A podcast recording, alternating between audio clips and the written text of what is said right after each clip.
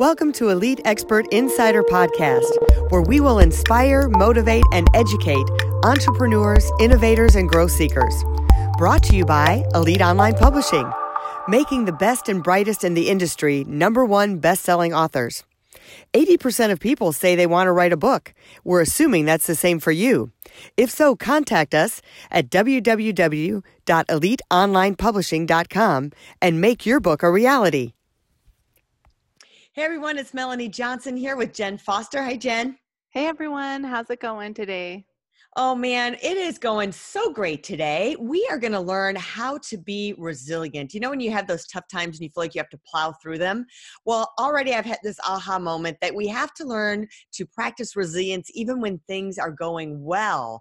So, there are some key strategies and things we're going to learn about resiliency and leadership today.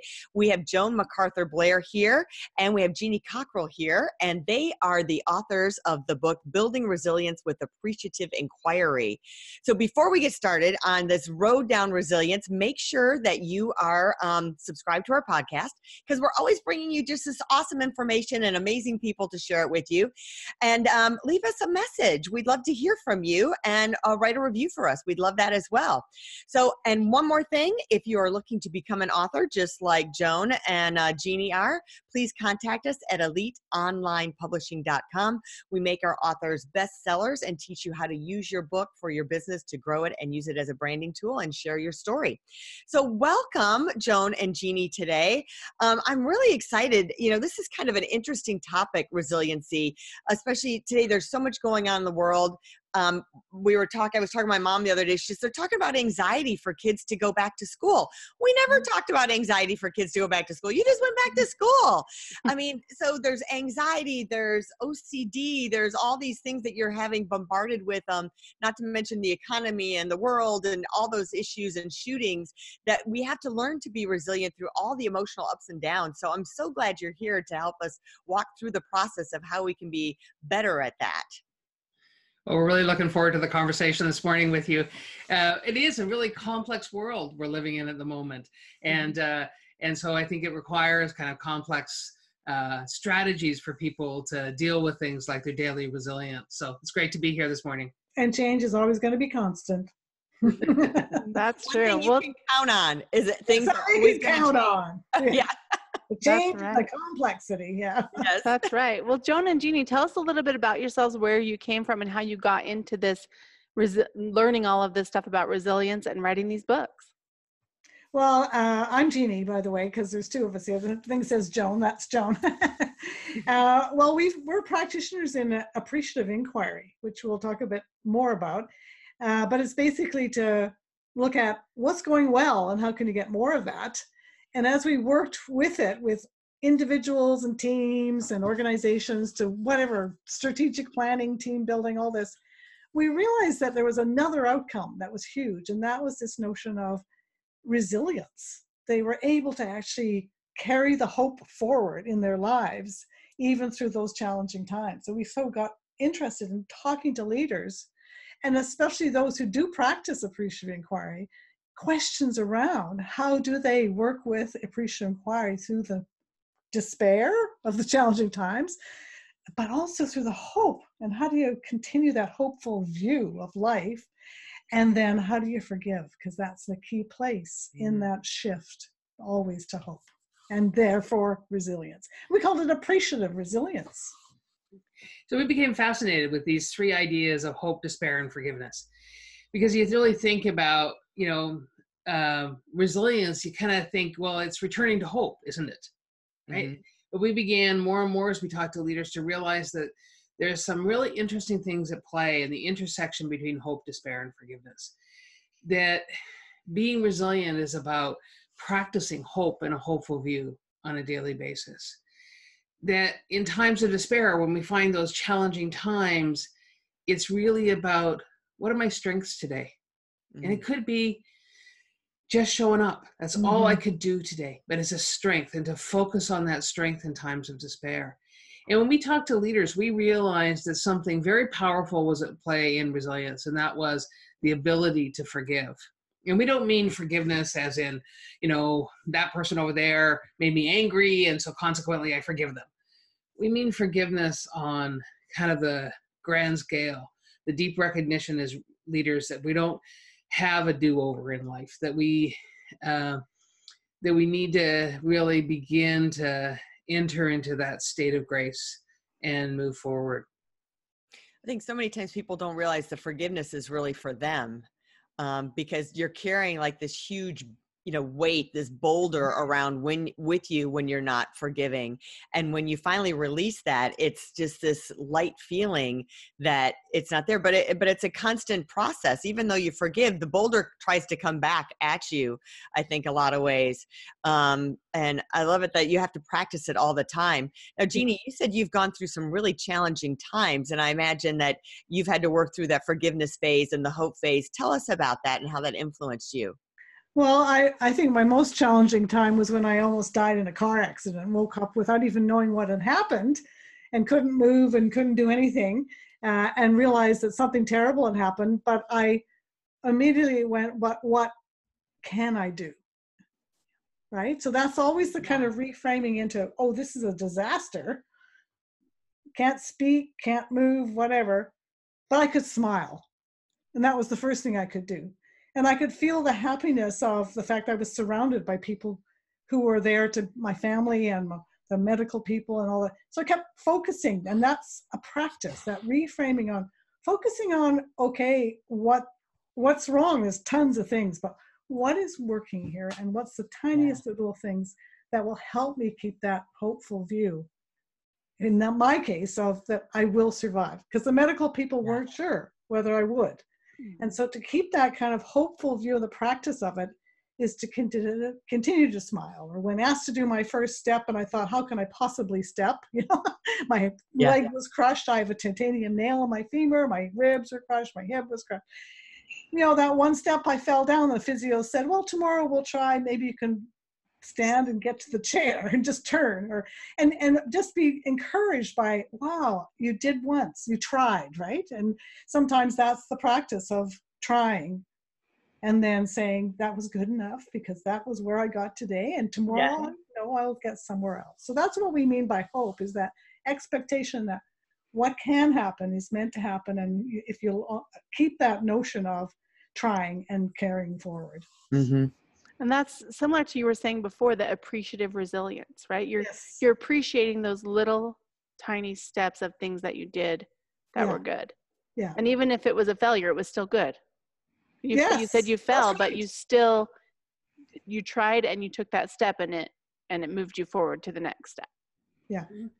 And you know, Melanie, you talked about, you know, that's kind of boulder, you know, that keeps kind of reattaching. And I often think of despair like Velcro you know you rip it off and you go okay you know i practice forgiveness i'm in this deep practice i can move forward. And all of a sudden you get up the next morning and it's readhered to you again right? And so so one of the things we write a lot about is this idea of practice that it really resilience really is a practice. It's mm. not something we're good at. It's not something that we're better than our next door neighbor at. It's a practice that each of us can undertake and refine. And we really, as we talk to leaders as they practice hope and a hopeful view, it's like polishing the stone of resilience. Then they mm-hmm. consequently have uh, a practice to return to in times of despair. You think about despair as that, you know, train that arrives at, you know, 3 a.m. in the morning. It's unwelcome. We didn't ask for it, and there it is. And uh, um, you know, in in Jeanie's story of her accident, she was very seriously injured, and months and months and months went by, you know, and uh, um, and I'm doing that thing that partners do, you know, take take care and all those things.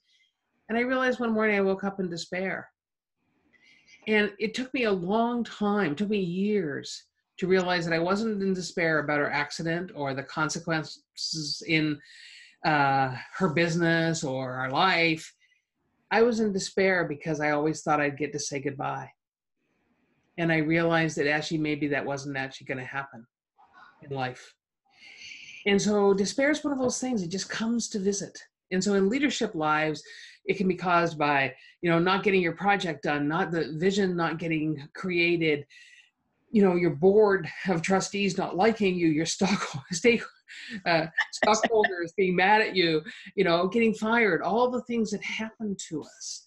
Um, your podcast not having enough listeners, you know, despair comes, you know, from fascinating things in life. Um, and so we talk to leaders a lot about what they practice, finding that tiny strength. Yeah, that hope, hope. Yeah, like you say, it, when you lose hope, I think it even says in the Bible, when you lose hope, you lose everything. You always have to Yeah. have hope. Mm-hmm. And, and it, that is the fundamental definition of despair, right? The loss of hope. Yeah. Yeah. Well, I- I, I love that you you focus on those wins. It's like you know there's there's a lot of failures or we didn't reach the goal that we had that day or or like the despair keeps coming at us and we feel like we're kind of overloaded with that despair. But having that outlook of that appreciative appreciative and what was what, what went right today or what did I do Mm. right? What did I try that I maybe felt uncomfortable trying? And those are the wins. Like I think that gives that hope is re coming back to that appreciativeness. And there's lots of practices, and lots of people have lots of practices that we don't even address, right? But Mhm. one of our practices is to start every morning writing down our gratitudes. Mhm. And that is just that frames your whole day and makes the days, even if you've woken up going, oh, I worried in the night about this. Mhm. By the, by the time you've actually sat down and written some gratitude, three, three gratitudes, that's all it takes. One thing you plan to do to make it a successful, wonderful, happy day and a vision for the day. And we do that Mhm. every morning and it just, it just shifts things. I mean, it doesn't mean that those worries haven't gone away, but now they just go on a list and you go, okay, I know I can do those things because I know I've got lots to be thankful for. Right. Right. We had learned, I just got back from the eWomen's Network, and one of the things they said was lean into your strengths. Yes. And um, I love that they gave this visual of this path, this beautiful path, a wooded tree that went over, and it was like a lane that you walk down. And that was when you walk down that lane, it's so easy and breezy. You could run down there if you wanted. There's no obstacles in your way. And then like your mid strengths are like, well, you have to pay attention because there's rocks and and there's maybe branches and things that you have to watch your footing because you could twist your ankle. And then the other one is like, oh my gosh, I got to take a machete to get through here to go through there. And it's, you know, so like focus on the, the clear path, lean into those strengths that you have. yeah. Um, theirs was more business minded. It's like, okay, so on your middle strengths, get someone else to do those things. And, you know, the lesser strengths, get someone else those if you can. And when you were laying in that bed and all you could do was smile, you know, you had other people that were take care, taking care of the other needs that you had at that time. And your strength was maybe to get them to smile back at you. Yes. Great. So Yeah. Well, tell us. Oh, go ahead. You're good. We we talk about that uh, a fair bit in our book. That idea of how how do you know that somebody actually would reach down their hand and help you stand up? Who's going to hand you that tool you need to get through the forest?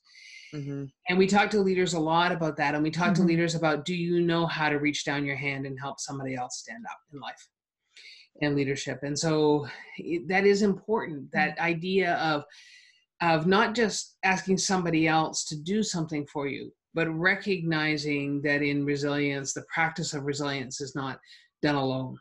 We do it in community. Mhm. Mm. Um, and particularly in times of despair, I think it's easy to isolate ourselves as leaders, uh, thinking we should know all the answers when really somebody's just standing there with a tool that could help us get through the forest if we just asked. And uh, people we interviewed said, "Oh, we never talk about despair because if you talk about despair as a leader, then you're looked at as not a strong leader." So, Yeah. How amazing to have opportunity because all our, our book's full of reflective questions and and little exercises people can do with their teams and each other and so on. Have that conversation about things that have been kind of taboo, uh, and it's a it's a freeing because once you start down that road, you get hope because you say, "I'm not alone in this." Yeah. And I was just reading, I think it was in um, Inc. magazine or on another podcast that a lot of uh, top leaders tend to be lonely or feel alone or success and successful entrepreneurs. They start to feel isolated. And just even though they've got their company is successful, they're making money, but they're feeling like they're isolated, then they're having despair about that. And, and I love the connection that you say to know that you're not alone and make sure you keep that circle Yeah. around you, not to be in a vacuum by yourself. Mhm. I like that. Well, Jeanie, tell us. Um, you wrote a poem, or is it Joan? Joan, you John's wrote the the poem. poet, yeah. So read us the poem that you is it is it in the book as well? Yeah, this is a, uh, we start every chapter in the book with a poem. And I think in some ways it uh, helps people understand kind of the the ideas. This one is a poem on hope. My beautiful friend Hope, you point me toward the sun, you shelter me in the rain, you trumpet my successes and hold me in my sorrow, ever whispering, Rise up, rise up. Beautiful. Wow, I love that. Thank you for sharing that.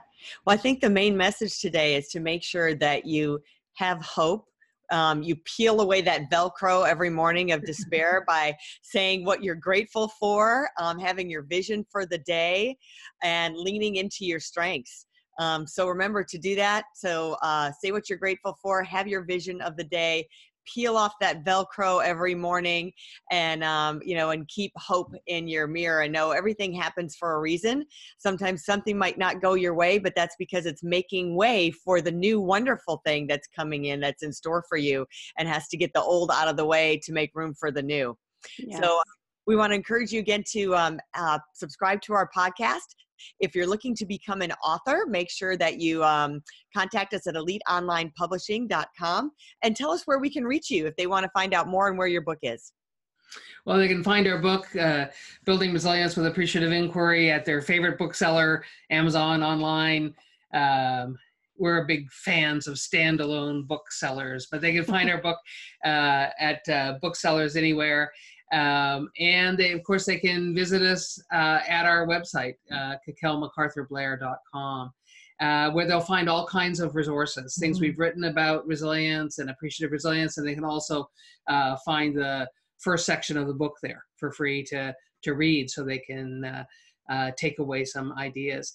The other thing that um, uh, is in our book that uh, some people say to uh, to us, we gave away our secret sauce. We put into the back of the book the full workshop on appreciative resilience, and we did it for a very particular Mhm. reason. We believe in leadership, and we want people to take that and to use it to amplify their re- leadership. Because I think if you know, we started at the beginning talking about the complexity that leaders lead in, and I think we wanted to support leaders in their incredible work in the world.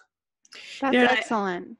I want to make note too that you know I I had this uh, thought in my head before that oh you know I'm running a small company and um, I'm a single mom and I don't really need the leadership stuff. I need sales, I need marketing, I need you know all of that type of thing for my business. And then all of a sudden all the light bulbs went off on my head that I'm the leader of my household Absolutely. and all of the leadership things when the light bulb went off i shifted and started using those things to run my home and um, i told a girlfriend recently i mean she she's a married woman i mean she has a partner and i'm a single person but i said you're still the leader of your home too you need to direct and have a vision of what you want your house to be like and how you want the relationships to be like you have to lead your life and your relationship so don't think that you don't need the leadership stuff oh you know i'm a mom at home or I'm not working. I don't need leader. You need leadership. You need this book because you're leading your life and you're leading your family. So make sure you get it no matter what phase you are in your life. Make sure you um, grab their book. Yeah. and I- Melanie, that's a wonderful, wonderful way to describe this because we're we're continuing when we're working with people and speaking and so on is we describe leaders as any people leading their life and moving things forward in the way they want it to happen and the visions they have and that's every every mom every person that has relationships with other people i mean it all it you work together to actually move the world to a better place I love that. I gave a good pitch for you. Yeah. Well, we'll put that link up at the bottom for those of you watching on YouTube. It's cockellmacarthur-blair.com. That's C-O-C-K-E-L-L macarthur-b-l-a-i-r.com. For those of you who are listening, you can also find that on our show notes on our blog at eliteonlinepublishing.com.